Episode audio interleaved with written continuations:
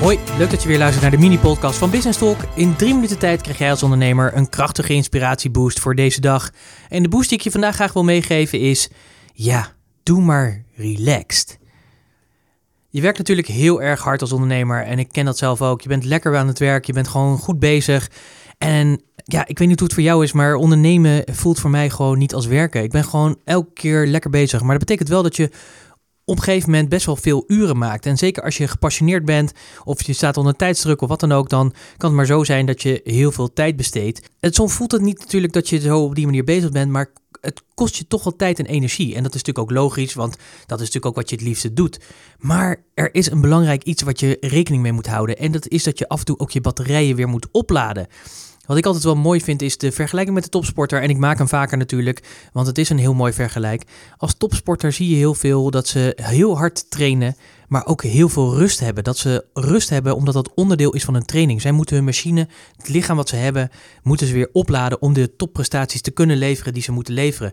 En zo geldt het eigenlijk voor jou als ondernemer ook. Jij moet ook af en toe even jouw machine, je lichaam opladen om weer verder te kunnen.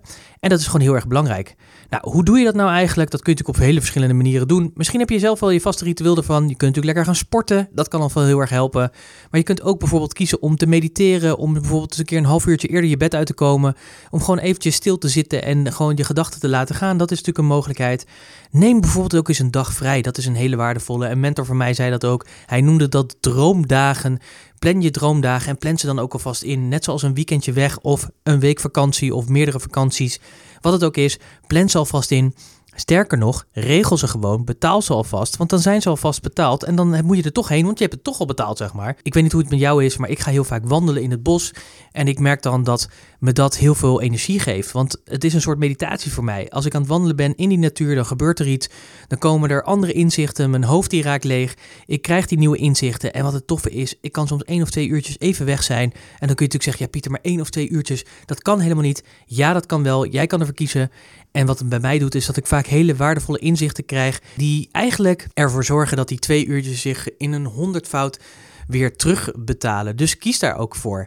Dus ik zou aan jou willen vragen, als je aan het rennen bent en continu bezig bent en net zoals ik gewoon gemotiveerd en gepassioneerd ondernemer bent, wat kun jij doen om te zorgen dat je ook die breaks in die dag hebt, of in je week, of in je maand, of in je jaar hebt, zodat jij ook je weer kan opladen? Denk daar eens over na.